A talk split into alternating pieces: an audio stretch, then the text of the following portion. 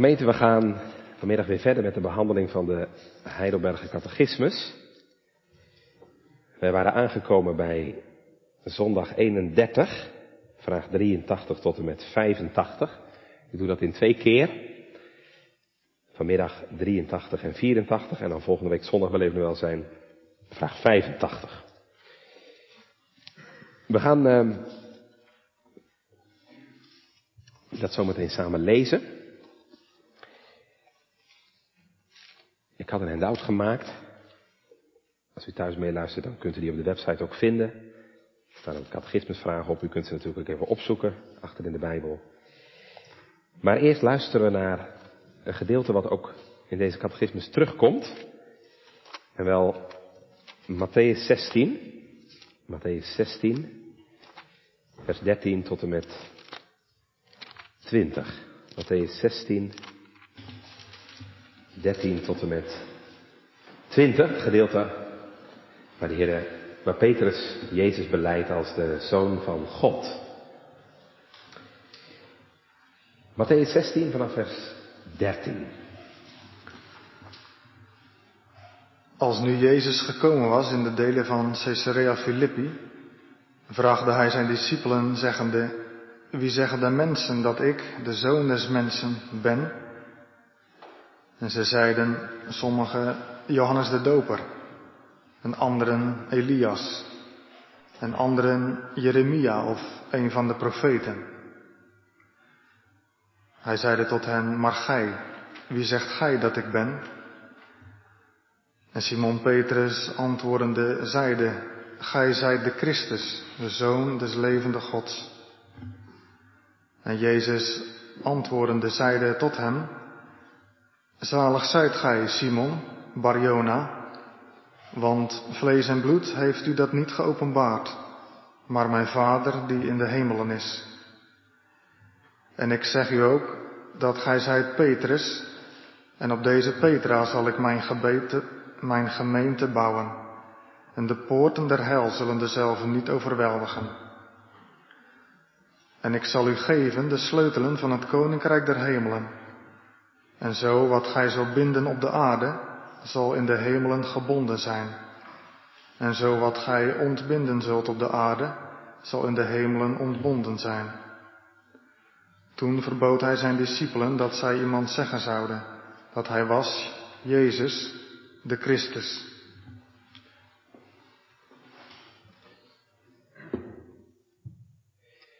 Jongens en meisjes, ik heb hier iets uh, bij me. Misschien kun je zien wat het is. Het is de sleutel van uh, mijn auto.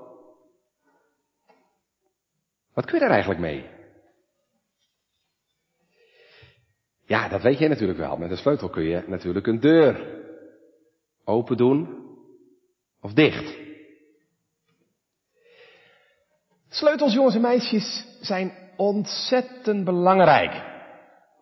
He, want ja, zonder sleutel kun je natuurlijk niet naar binnen. Wij waren eens jaren geleden op vakantie in Friesland, in Franeker. En ik had mijn auto zo geparkeerd langs het water. En toen ik de auto uitstapte, stoot ik zo met mijn arm tegen de auto en ja, met een hele grote boog vlogen de sleutels zo in de gracht. In het water. Sta je dan op vakantie? Zonder sleutels. Kon de auto niet meer in. Gelukkig heb ik een hele wijze, verstandige vrouw. Die zo slim was geweest om uh, reservesleutels mee te nemen in de tas. Nou, jongens en meisjes, vanmiddag gaat het ook over sleutels. En dan niet uh, hè, de sleutel van mijn auto. Maar vanmiddag gaat het over de sleutel van het koninkrijk van God.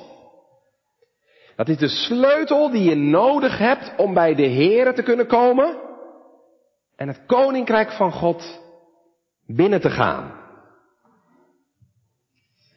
Denk eens na, wat zou die sleutel zijn?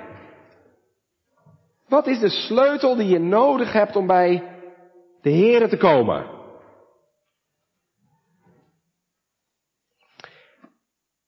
Gemeente jongens en meisjes, dat is het evangelie. De boodschap van de Heer, de boodschap van de Heer Jezus Christus. En weet je wat er nou aan de hand is, hè? Elke keer, jongens en meisjes, als jij het evangelie hoort, hè, in de klas, als de juf een bijbelverhaal vertelt, of op de zondagschool, of in de kerk, wat gebeurt er dan? Dan zet God de deur van zijn koninkrijk open. En als je dat gelooft, echt gelooft met je hart, dan mag je naar binnen. En als je dat niet gelooft, ja, dan gooi je zelf de deur dicht. Dat is natuurlijk niet de bedoeling. Dan ben je net zo dom als ik toen ik die sleutel in het water gooide. Nee, het gaat erom dat je die sleutel goed gebruikt. Want dan mag je naar binnen gaan. Wij gaan vanmiddag gemeente nadenken en stilstaan bij de sleutels van het koninkrijk der hemelen. Ik lees met u vraag 3 en 84 van de catechismus. Zondag 31. Vraag 83. Wat zijn de sleutels van het koninkrijk der hemelen? Antwoord. De verkondiging van het heilig evangelie en de kerkelijke tucht. Door beide wordt het koninkrijk der hemelen voor de gelovigen geopend en voor de ongelovigen gesloten. Vraag 84. Hoe wordt het koninkrijk der hemelen door de verkondiging van het heilig evangelie geopend en gesloten? Antwoord. Volgens het bevel van Christus wordt aan de gelovigen, alles samen en ieder persoonlijk, verkondigd en in het openbaar verklaard dat al hun zonden hun door God om de verdiensten van Christus werkelijk vergeven zijn, zo vaak zij de belofte van het evangelie met waar geloof aannemen. Maar aan alle ongelovigen en huigelaars wordt verkondigd en verklaard dat de toren van God en het eeuwige oordeel op hen rusten, zolang zij zich niet bekeren. Naar dit getuigenis van het evangelie zal God oordelen, zowel in dit als in het toekomstige leven. Gemeente, we gaan nadenken over de sleutels van Gods koninkrijk. En in onze tweede gedachte gaan we naar die eerste sleutel kijken. Letten we op de verkondiging van het heilig evangelie. En hopen dan volgende week die tweede sleutel, de tucht, te behandelen. Gemeente, waarom zou je naar de kerk gaan? Zo luidt de titel van een heel bekend boekje van wijle professor Van Ruler. Waarom zou ik naar de kerk gaan? En in dat boekje geeft professor Van Ruler maar liefst 21 redenen, 21 argumenten waarom het goed is om naar de kerk te gaan. En een van de redenen die hij daarin noemt is, je gaat naar de kerk om het heil te ontvangen. Nou, dat is een heel bijbels antwoord waar de catechismus het ook van harte mee eens is. Want door de verkondiging van het evangelie ontvangen mensen heil, verlossing, vergeving van zonde. Professor Van had het denk ik ook anders kunnen zeggen. Waarom zou je naar de kerk gaan? Nou, omdat je daar het koninkrijk van God kunt binnengaan. Want in de kerk wordt de deur naar het koninkrijk van God opengezet. Ik zei het alle jongens en meisjes, het koninkrijk van God, dat heeft een deur. Daar moet je eerst doorheen. Wat zou dat zijn? Die deur? Gemeente, wat is de deur? Waardoor je het koninkrijk van God binnenkomt? Ja, dat is natuurlijk de Heer Jezus.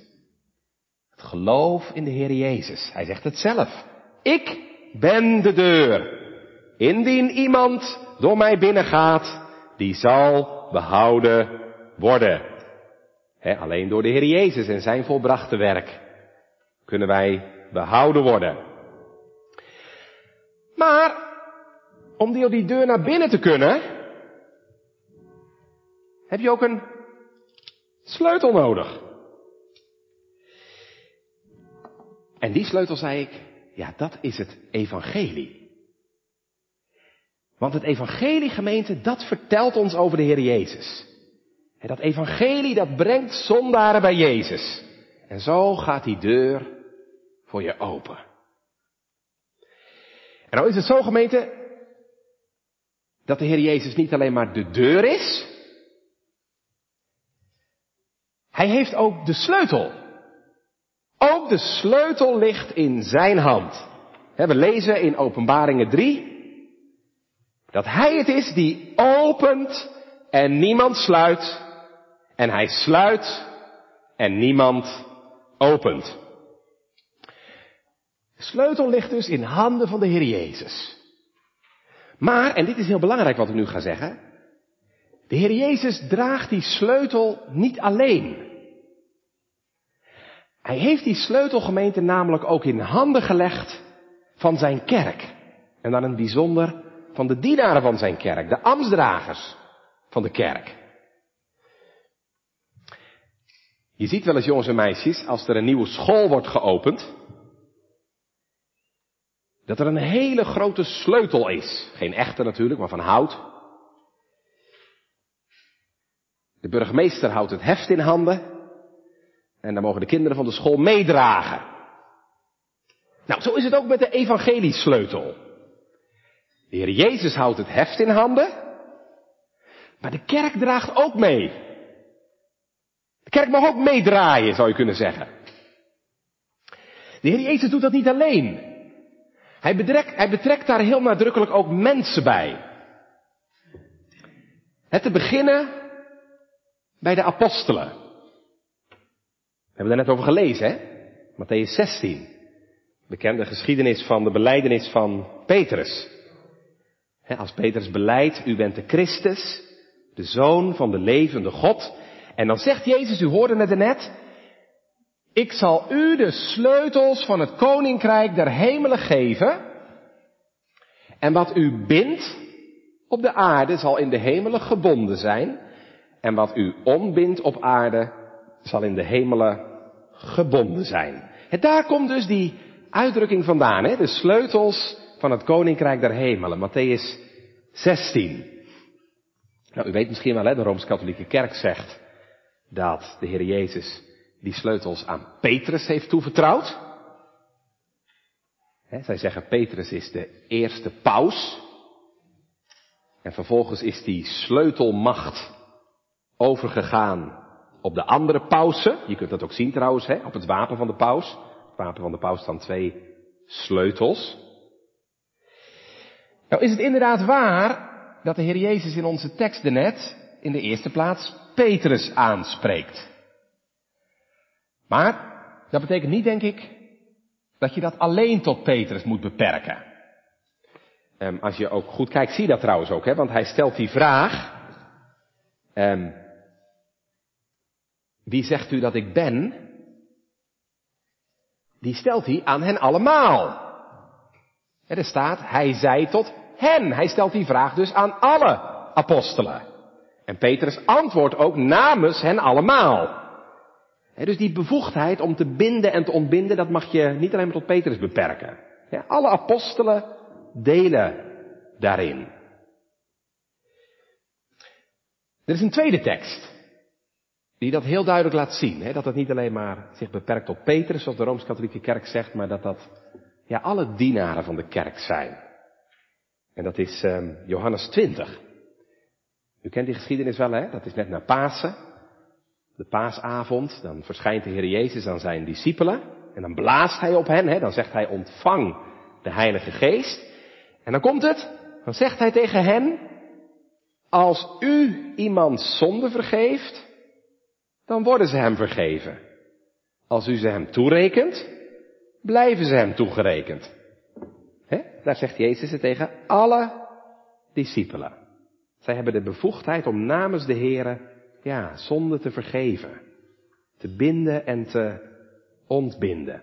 Dus even heel belangrijk, hè? De apostelen, als vertegenwoordigers van de kerk, krijgen de sleutels van het koninkrijk van God. En die zijn vervolgens overgedragen op alle getrouwe dienaren van het evangelie.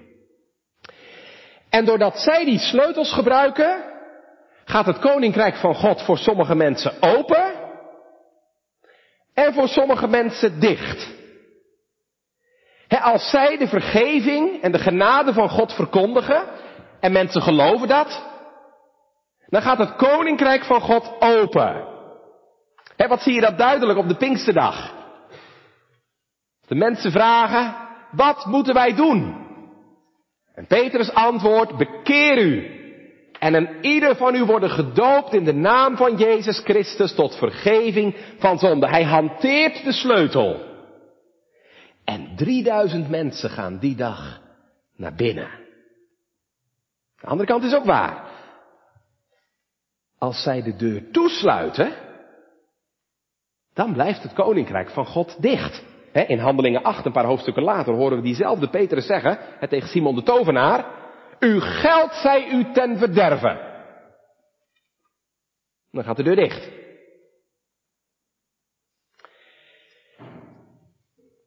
En als je nou vraagt, dominee, wat zijn nou die sleutels?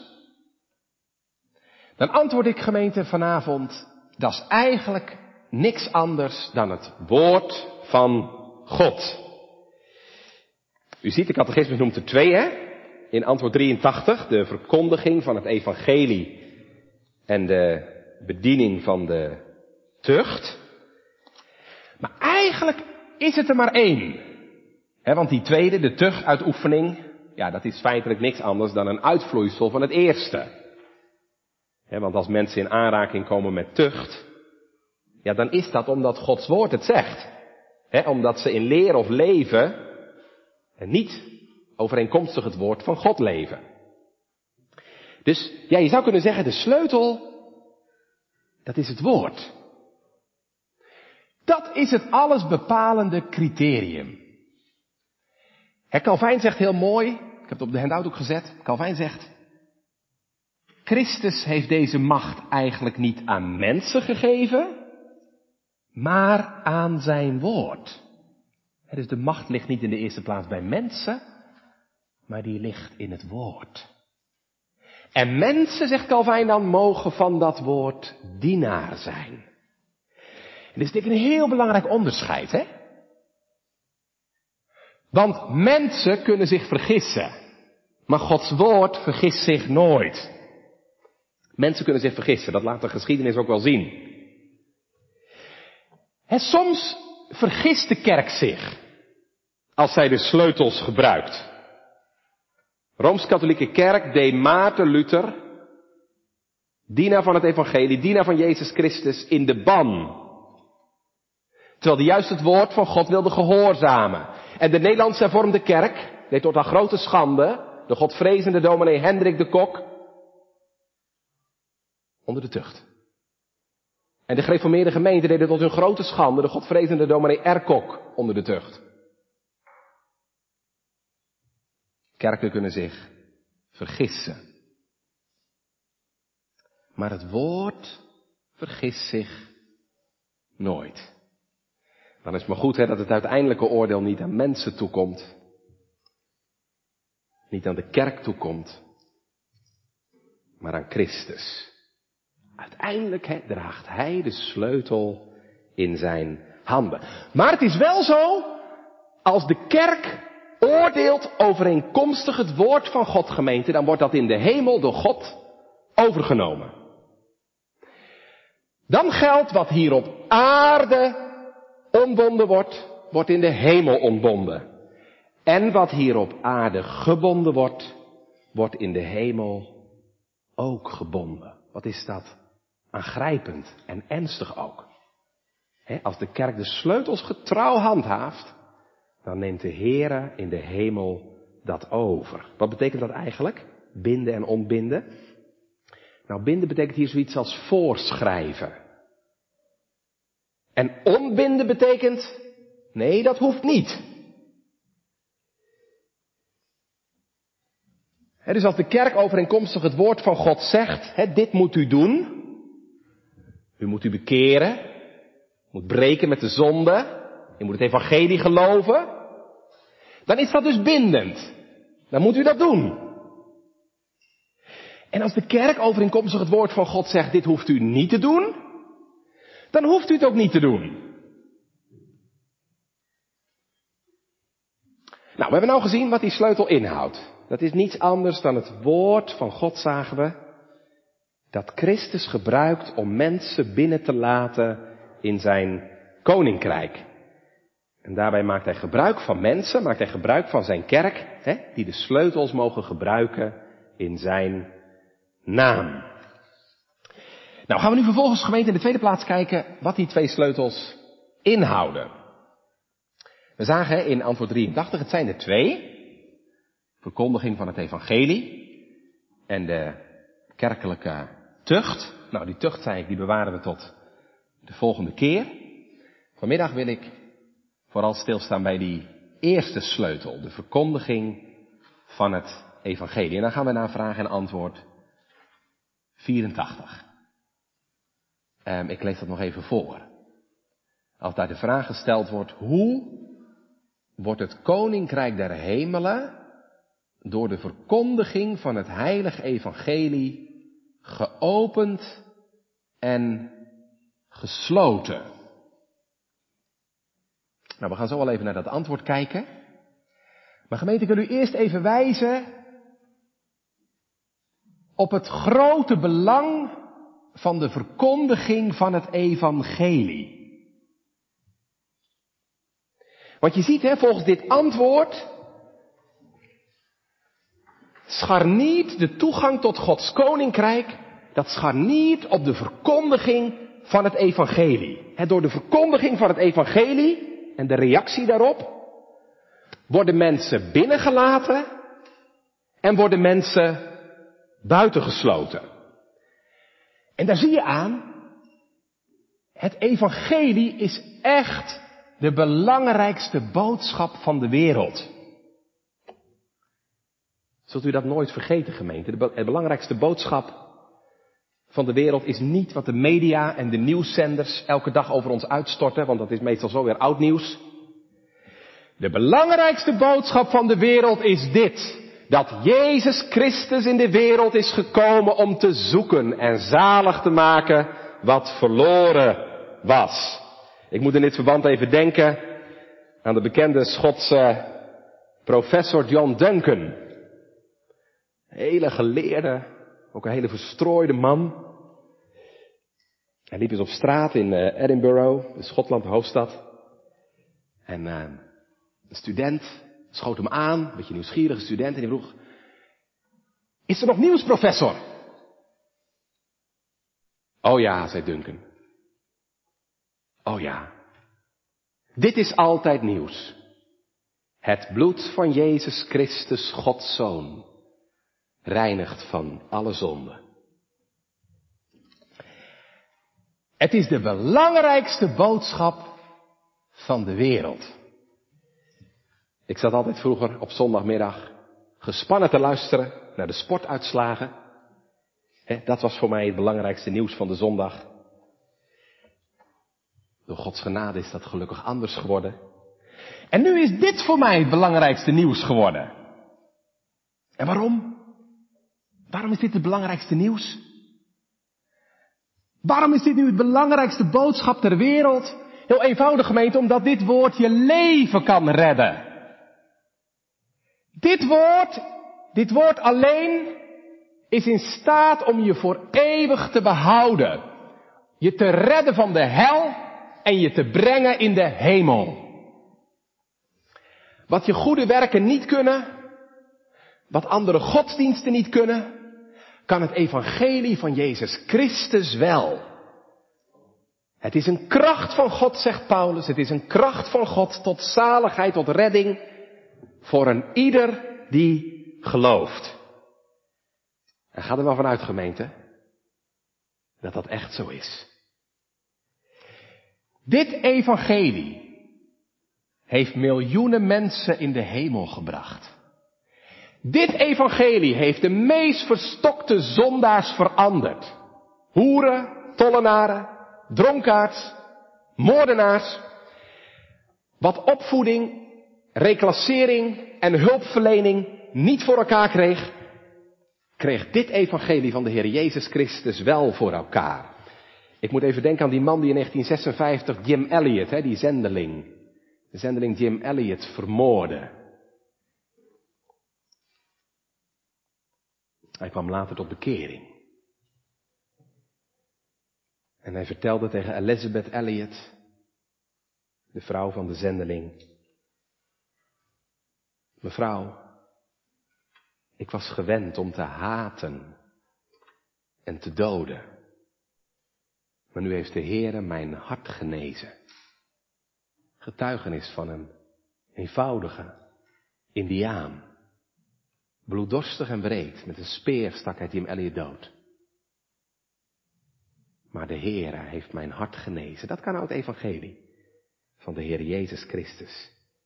Het is de enige boodschap die mensen echt kan redden en veranderen. Ja, en die boodschapgemeente, die laat God nu aan u en mij verkondigen. God laat die boodschap verkondigen door de dienst van mensen. Ik liet u bewust ook voorlezen uit de Dordtse leerregels. Um, die prachtige woorden uit artikel 3. Ik zal ze nog een keer lezen. Om de mensen tot het geloof te brengen, zendt God in zijn goedheid verkondigers van deze zeer blijde boodschap tot wie hij wil en wanneer hij wil. Door hun dienst worden de mensen opgeroepen tot bekering en tot geloof in Christus de gekruisigde. Want hoe zullen ze geloven in Hem van wie ze niet gehoord hebben? En hoe zullen ze horen zonder hen die Hem predikt? En hoe zullen ze prediken indien ze niet gezonden worden? Ja, wat is dat een heerlijk werk, gemeente? Als je deze zeer blijde boodschap mag brengen. Als je de liefde van Christus mag verkondigen. Als je een vriend van de bruidegom mag zijn. En zondaren mag oproepen. Kom tot de bruiloft. Als je vermoeide en belaste zondaren mag oproepen. Dat Christus rust geeft. Komt allen tot mij die vermoeid en belast bent. Wat is dat een heerlijk werk. Om de onnaspeurlijke rijkdom van Christus, in wie alle schatten van wijsheid en kennis verborgen zijn, te mogen verkondigen. Het is werkelijk de hoogste roeping waar de Heer een mensenkind toe roepen kan. Het is een heerlijk werk. Het is ook een heel verantwoordelijk werk. Want hoe ik het evangelie preek, hoe een dienaar van het woord het evangelie brengt, is bepalend, mede bepalend voor het behoud van mensen.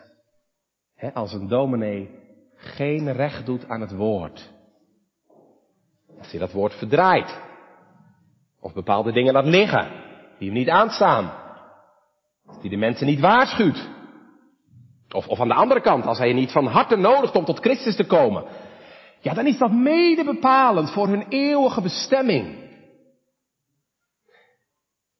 En dan is hij mede verantwoordelijk voor hun ondergang.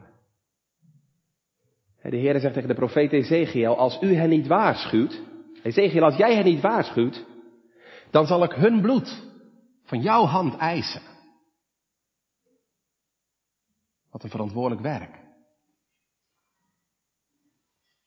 En ik weet zeker dat elke getrouwe dienaar van Christus zal zich daarin zeer tekort voelen schieten.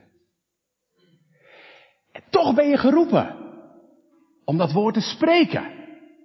Daar niks aan toe te doen. En daar niks van af te doen. En dan is het gelukkig zo gemeend als een dominee de preekstoel opklimt. Vanaf het moment dat hij dat deurtje dicht doet, staat hij daar niet meer als Piet of Jan of Klaas of Kees. Dan staat hij daar als dienaar en ambassadeur van Christus. He? Zoals een ambassadeur eh, namens zijn land spreekt. En eigenlijk niks anders hoeft te doen hè, dan getrouw door te geven wat hem is opgedragen. Zo is het ook met een dominee. Hè. Die komt niet in zijn eigen naam, die komt niet met zijn eigen gezag. Maar die mag spreken met ambtelijke volmacht. Wat betekent dat ambtelijke volmacht? Dat betekent heel eenvoudig, hij spreekt namens de Heer. Hij spreekt namens Christus. Paulus zegt in 2 Korinthe 5, wij zijn gezanten namens Christus. dan staat hij niet meer hier als dominee Jansen of als dominee Pietersen of als dominee Klaassen. Dan staat hij hier als gezant van Christus. Die u hoort, zegt de Heer Jezus, die hoort mij. Dat betekent heel eenvoudig gemeente, als een dominee u getrouw het woord brengt, dan is dat eigenlijk niet anders dan wanneer de Heer Jezus hier op de preekstoel zou staan en het woord zou brengen. Dan moet je het je door laten dringen. Als een dominee u getrouw het woord verkondigt, dan is het niet anders dan wanneer Christus hier spreekt.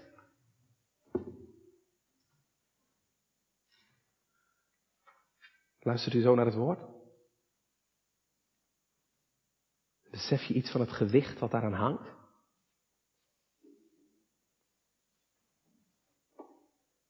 Want van dit woord, gemeente, van dit evangelie hangt mijn en uw eeuwige bestemming af.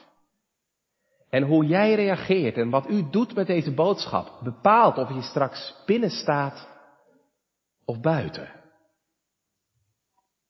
Je zegt, hoe gaat dat dan? Nou lees even mee, dan lezen we even verder in het antwoord. Hoe dat gaat.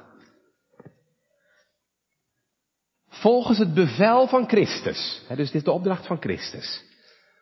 Wordt aan de gelovigen, alles samen en ieder persoonlijk, verkondigd.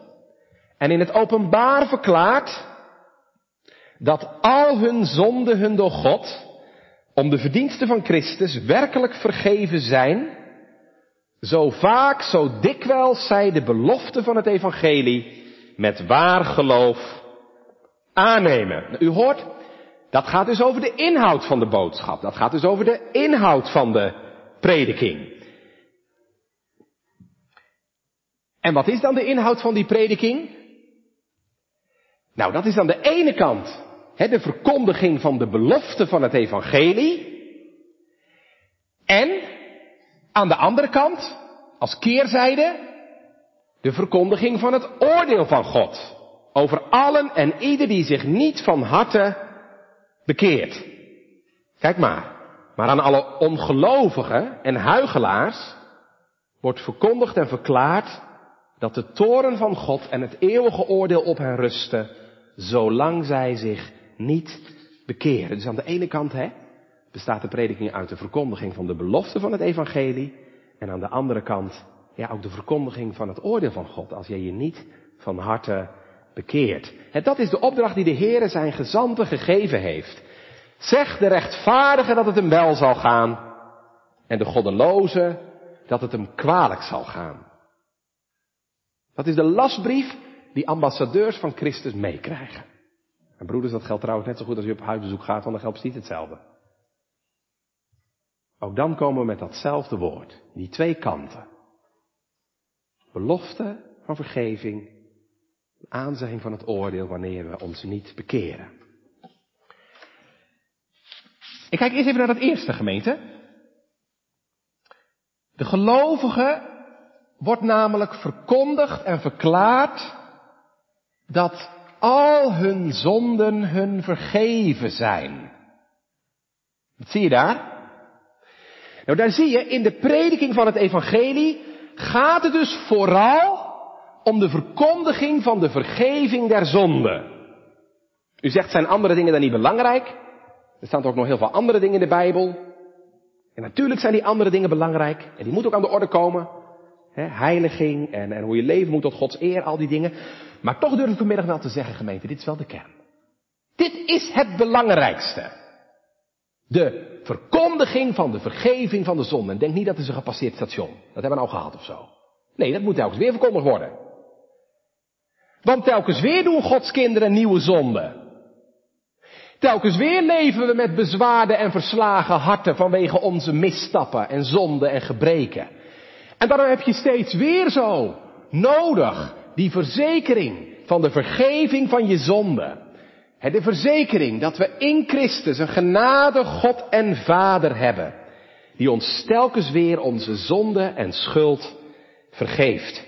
En daarom moet dus in de prediking steeds weer die belofte van vergeving worden voorgehouden. Daar lezen we zo mooi over. In de Dordtse leerregels, nou we toch met de Dordtse leerregels bezig zijn vanmiddag, kan er nog wel eentje bij, denk ik. Hoofdstuk 2, artikel 5, daar wordt iets heel moois gezegd over die belofte van het evangelie. Daar staat, verder is het de belofte van het evangelie, dat een ieder die in de gekruiste Christus gelooft, niet verderven, maar het eeuwige leven hebben. En dan komt het, welke belofte aan alle volken en mensen, tot wie God naar zijn welbehagen zijn evangelie zendt, zonder onderscheid moet verkondigd en voorgesteld worden met bevel van bekering en geloof. Dus Gods dienaren hebben de opdracht om die belofte, die belofte van vergeving, de gemeente eh, te verkondigen en voor te stellen, zeggen de Dordtse leerregels. En dat snapt u, als wij die belofte verkondigen en voorstellen, dan doen we dat niet vrijblijvend, maar dan doen we dat, zeggen de Dordtse leerregels, met bevel van bekering en geloof. Want u snapt natuurlijk, dat is natuurlijk geen automatisme. He? Het is natuurlijk niet zo dat als we de belofte maar preken, dat uw zonden vergeven zijn. Zo werkt dat niet. Nee, die belofte die vraagt een reactie. Die belofte die vraagt een antwoord. Die belofte gemeente die zal alleen zijn kracht doen als die omhelst wordt. He, of zoals de catechismus hier zegt, eh, aangenomen wordt. Je moet die belofte wel aannemen. En natuurlijk gemeente, ook dat aannemen van Gods belofte, daar zit de Heilige Geest achter. Dat is geen prestatie van onszelf. Maar het is wel zo gemeente, de Heilige Geest werkt nooit buiten ons om. Nee, de Heilige Geest gemeente die, die drijft je altijd uit naar Gods woord. Die drijft je altijd uit naar Gods belofte. Die zet ons aan tot het aannemen en omhelzen van Gods belofte. En de Heilige Geest zegt, daar is je zekerheid en houvast te vinden. In dat woord van God en die belofte van God die niet liegen kan. En dat zie je zo mooi aan, hè? De Heilige Geestgemeente die werkt altijd door het woord. Hoe gaat dat? Ja, dat kan heel verschillend gaan in je leven, gemeente, maar dat komt hierop neer ongeveer, hè? Je leest dat woord, of je hoort dat woord in de kerk, en je wordt erdoor gegrepen. En je leest in de Bijbel, deze ontvangt de zondaren en eet met hen. En je zegt, heren, dan kunt u ook mij ontvangen. Of je hoort de Heer Jezus zeggen in het evangelie, Zoon, uw zonden zijn u vergeven. En je zegt, heren, als u die man kon vergeven, dan kunt u ook mij vergeven. Of je leest de belofte, indien wij onze zonde beleiden, hij is getrouw en rechtvaardig dat hij ons de zonde vergeeft. En je ziel vat moed. En je mag die belofte omhelzen. Of eigenlijk is het zo, zoals dominee Erskine dat zo mooi zei, de belofte omhelst u. Ja.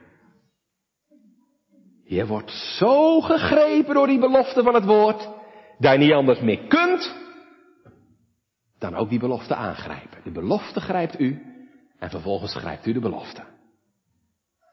En dan is het grote wonder, hè? Zo vaak als je de belofte van het evangelie met een waar geloof aanneemt, zegt de catechismus, dan zijn uw zonden vergeven. En dat is niet gemeente omdat je dat voelt in de eerste plaats. Al geloof ik zeker dat de Heilige Geest je daar ook van verzekeren zal. Maar het is waar omdat God het zegt. Elke keer hè, dat je de belofte van het evangelie omhelst, ontvang je bij vernieuwing vergeving van zonde. Ze waren al vergeven. Natuurlijk, ze waren al vergeven. Maar ja, daar moet je wel telkens weer opnieuw bij bepaald worden. Daar moet je telkens wel weer opnieuw van verzekerd worden. Van de vergeving van je zonde. Want gemeente, het is zo in het geloofsleven, hè. Al mag je zeker weten dat de Heer je zonde vergeven heeft, hè. Als ik struikel en in zonde val, dan is er onrust en vrede in mijn, onvrede in mijn hart. En dan verlang ik zo dat de Heer me weer opnieuw hè, die zekerheid van de vergeving van mijn zonde wil schenken. Nou, dat gebeurt zo vaak u de belofte van het evangelie aanneemt door het geloof. Zo vaak.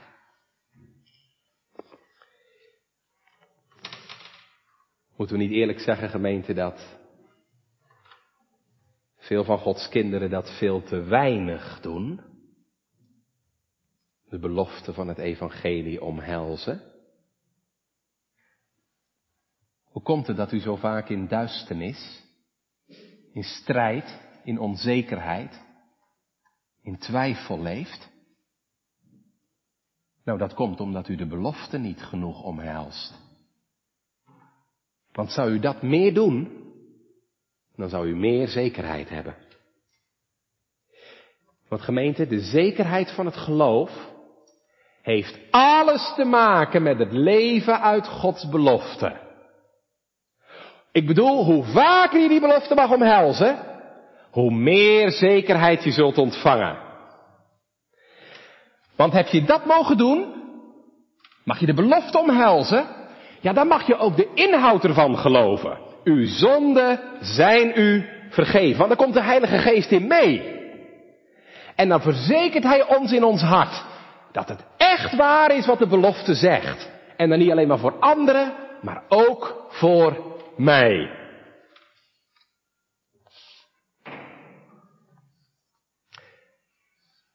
Maar,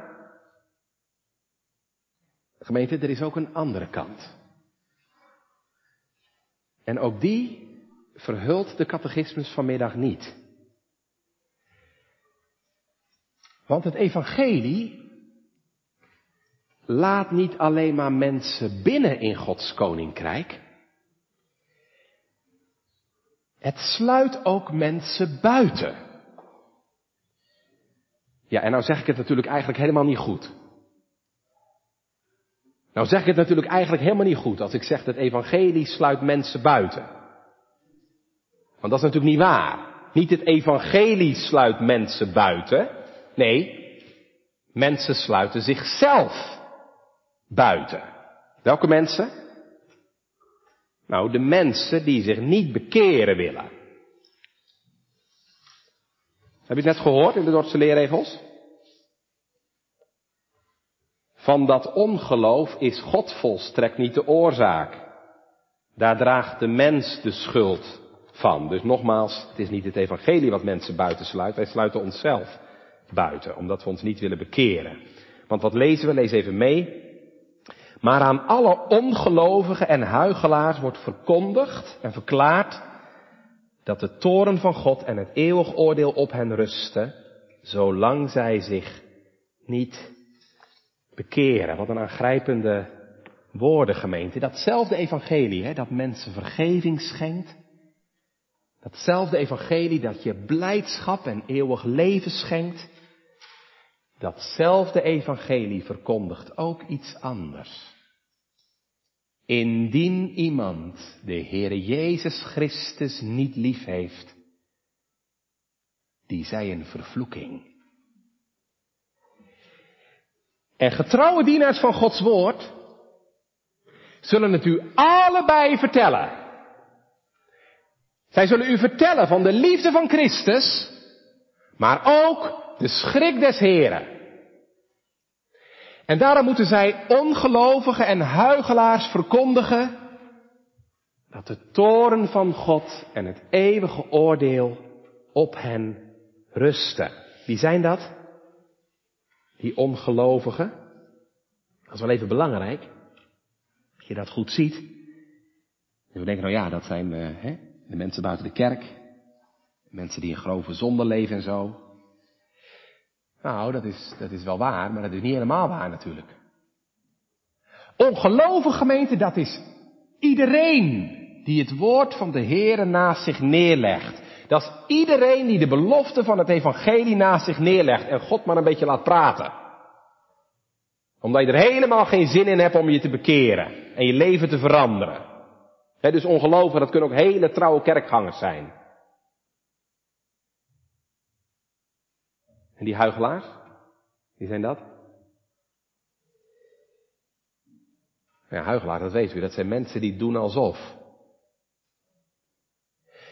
Die doen dus alsof ze zich bekeren en het evangelie geloven, maar het is niet oprecht. Het is niet van harte. He, dus, ja, aan de ene kant hebben ze best last van hun zonde. Ze willen er ook graag vanaf. Maar aan de andere kant houden ze toch aan bepaalde zonden in hun leven vast. Zie je? Het is geen oprechte bekering.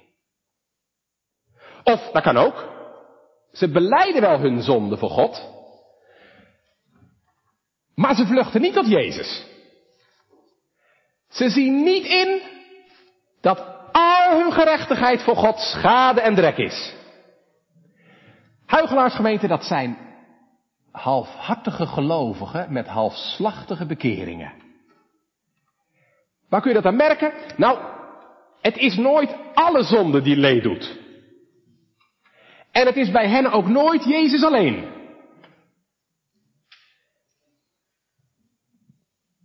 Ik heb mensen gekend die geen kerkdienst oversloegen. Hele serieuze, ernstige mensen. Die het fijn vonden als je op huisbezoek kwam. Maar als ik doorvroeg, wat is nou uw hoop voor de eeuwigheid, mevrouw, meneer? Wat is nou de grond waarop u straks God denkt te kunnen ontmoeten? kwam je erachter. Ze hebben zichzelf nooit als een hopeloos geval leren kennen. En het was bij hen ook nooit Christus alleen. Er altijd iets bij. Ja, maar ik doe toch dit, of ik doe toch dat, en ik heb toch zus en zo.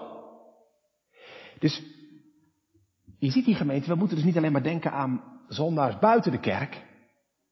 Nee, die scheidslijngemeente, die loopt ook dwars. Door de kerk. Huigelaars, dat kunnen zelfs dominees, ambtsdragers zijn, avondmaalgangers. En ik denk dat iedereen die zichzelf een beetje heeft leren kennen, hier alleen maar kan zeggen, ben ik het Heere?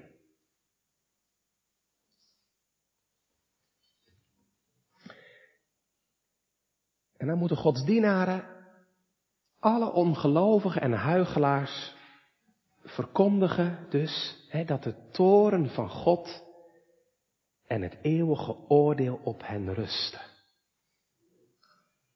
Dat is moeilijk, hè? Ja, dat is heel moeilijk. En dan moet u goed begrijpen, gemeente, dat doen dominees niet omdat ze dat zo fijn vinden. Ik weet net zo goed dat mensen dat liever niet horen. Ik vond het heel aangrijpend vorig jaar, hè? ik heb toen een prekenserie over Johannes 3 gehouden, gepreekt over Johannes 3 vers 16, hè, over de liefde van God. En ik toen gezegd heb, dan gaan we volgende week ook de andere kant horen. Wat het betekent om verloren te gaan. Dat ik later hoorde dat er mensen waren die thuis bleven. Omdat ze dat niet wilden horen. Ik heb heel veel medelijden met u als dat, dat over u gaat. Want als u dat dan gewoon aan het doen bent, dan bent u gewoon bezig uw hoofd in het zand te steken. Denk je dat je daarmee God kunt ontkomen? Denkt u nou echt gemeente dat wij dat voor ons plezier doen? Een getrouwe dienaar van de Heer Jezus zal daar pijn bij voelen in zijn hart, gemeente. Althans, zo moet het wel zijn. De Heer Jezus weende over Jeruzalem. Robert Murray McChain is bekend als hij preekt over het oordeel, als hij sprak over het eeuwige oordeel, dat hij huilde, dat de tranen van zijn wangen vloeiden. En toch, een getrouw dienaar van Christus zal daar niet over zwijgen. En dan niet omdat hij daar zo graag over heeft en van die hel- en verdoemenisdominees of zo. Maar dat zal hij zeggen, gemeente, omdat hij jou en u daar niet voor over heeft. Ik heb intreden gedaan in Hedel, 15 jaar geleden, met deze woorden. Wij dan wetende de schrik des Heren, bewegen de mensen tot het geloof. En wij moeten het u zeggen. Vreselijk is het om te vallen in de handen van de levende God. Hoe weet ik dat? Nou, kijk maar naar de Heer Jezus. Jezus viel in de handen van de levende God. En zijn zweet werd als grote druppels bloed. En niemand weet wat een angst hij doorstaan heeft toen hij daar uitriep, mijn God, mijn God, waarom hebt gij mij verlaten? Wie kent de sterkte van uw toorn en uw verbolgenheid nadat gij te vrezen zijt? Jezus kent het. En wat we daarvan zien, gemeente, dat is zo huiveringwekkend en zo ernstig dat je daar niemand voor over hebt. En toch, gemeente, zolang u zich niet bekeert, ligt die toren van God op je. U ziet het misschien niet. U merkt er niks van. U zegt, ik voel er niks van. Maar als u zich niet bekeert, zult u het merken. En zult u het zien. En zult u het voelen. Gemeente, zolang je nog onbekeerd bent, sta je eigenlijk op de rand van een afgrond. En u hebt het niet door. Maar één duwtje. En je valt erin. En er komt een dag, als wij ons niet bekeren, dan zullen wij erin vallen. En de Heere heeft mij eenmaal als kind laten zien wat dat is. Om eeuwig te vallen in de duisternis. In een duisternis van angst en pijn en verlatenheid. En ik kan u zeggen, het was vreselijk. Het was een droom. Straks is het geen droom, maar werkelijkheid. Eeuwig. En daarom sta ik hier. Als gezant van Christus. Om het ook vanmiddag tegen u te zeggen, als u het nog niet gedaan hebt. Bekeer u. Bekeer u. Want waarom zou u sterven? Eén, twee stappen naar achter en u valt in het ravijn. Want er is maar één schrede, één stap tussen ons en de dood. Maar gemeente, ik mag u zeggen, u hoeft niet te vallen. U kunt nog naar voren. Je kunt nog gered worden. Er staat hier, zolang zij zich niet bekeren. Dus wat is de uitweg? De uitweg is, bekeer u. Bekeer u en geloof het evangelie. Want God heeft geen lust in de dood van een goddeloze, maar daarin dat je je bekeert en leeft. En u mag uit mijn mond vanmiddag horen. Zo zijn wij dan gezanten van Christus wegen. Alsof God door ons baden. Wij bidden u van Christus wegen. Laat u met God verzoenen. Ik zou eigenlijk op mijn knieën moeten gaan liggen nu, hè? Dat is wat dominee Vlot deed in Hendrik Ido Ambacht. Die ging voor zijn gemeente op zijn knieën liggen. Hij zegt, gemeente, wij bidden u van Christus wegen. Laat u met God verzoenen. Hij zegt, God ligt op zijn knieën voor u. En die vraagt, laat je nou toch alsjeblieft met mij verzoenen. Ja, zo is het. Ik mag u vanmiddag weer de belofte van het evangelie verkondigen. Dat een ieder die in de gekruiste Christus gelooft, niet verderft, maar het eeuwige leven heeft. En de vraag aan u en jou is, wat doe je daar nou mee? Ja, dat is natuurlijk van levensbelang. Hoe u reageert op deze preek en op al die preken die je hoort in je leven, hoe u reageert op deze preek,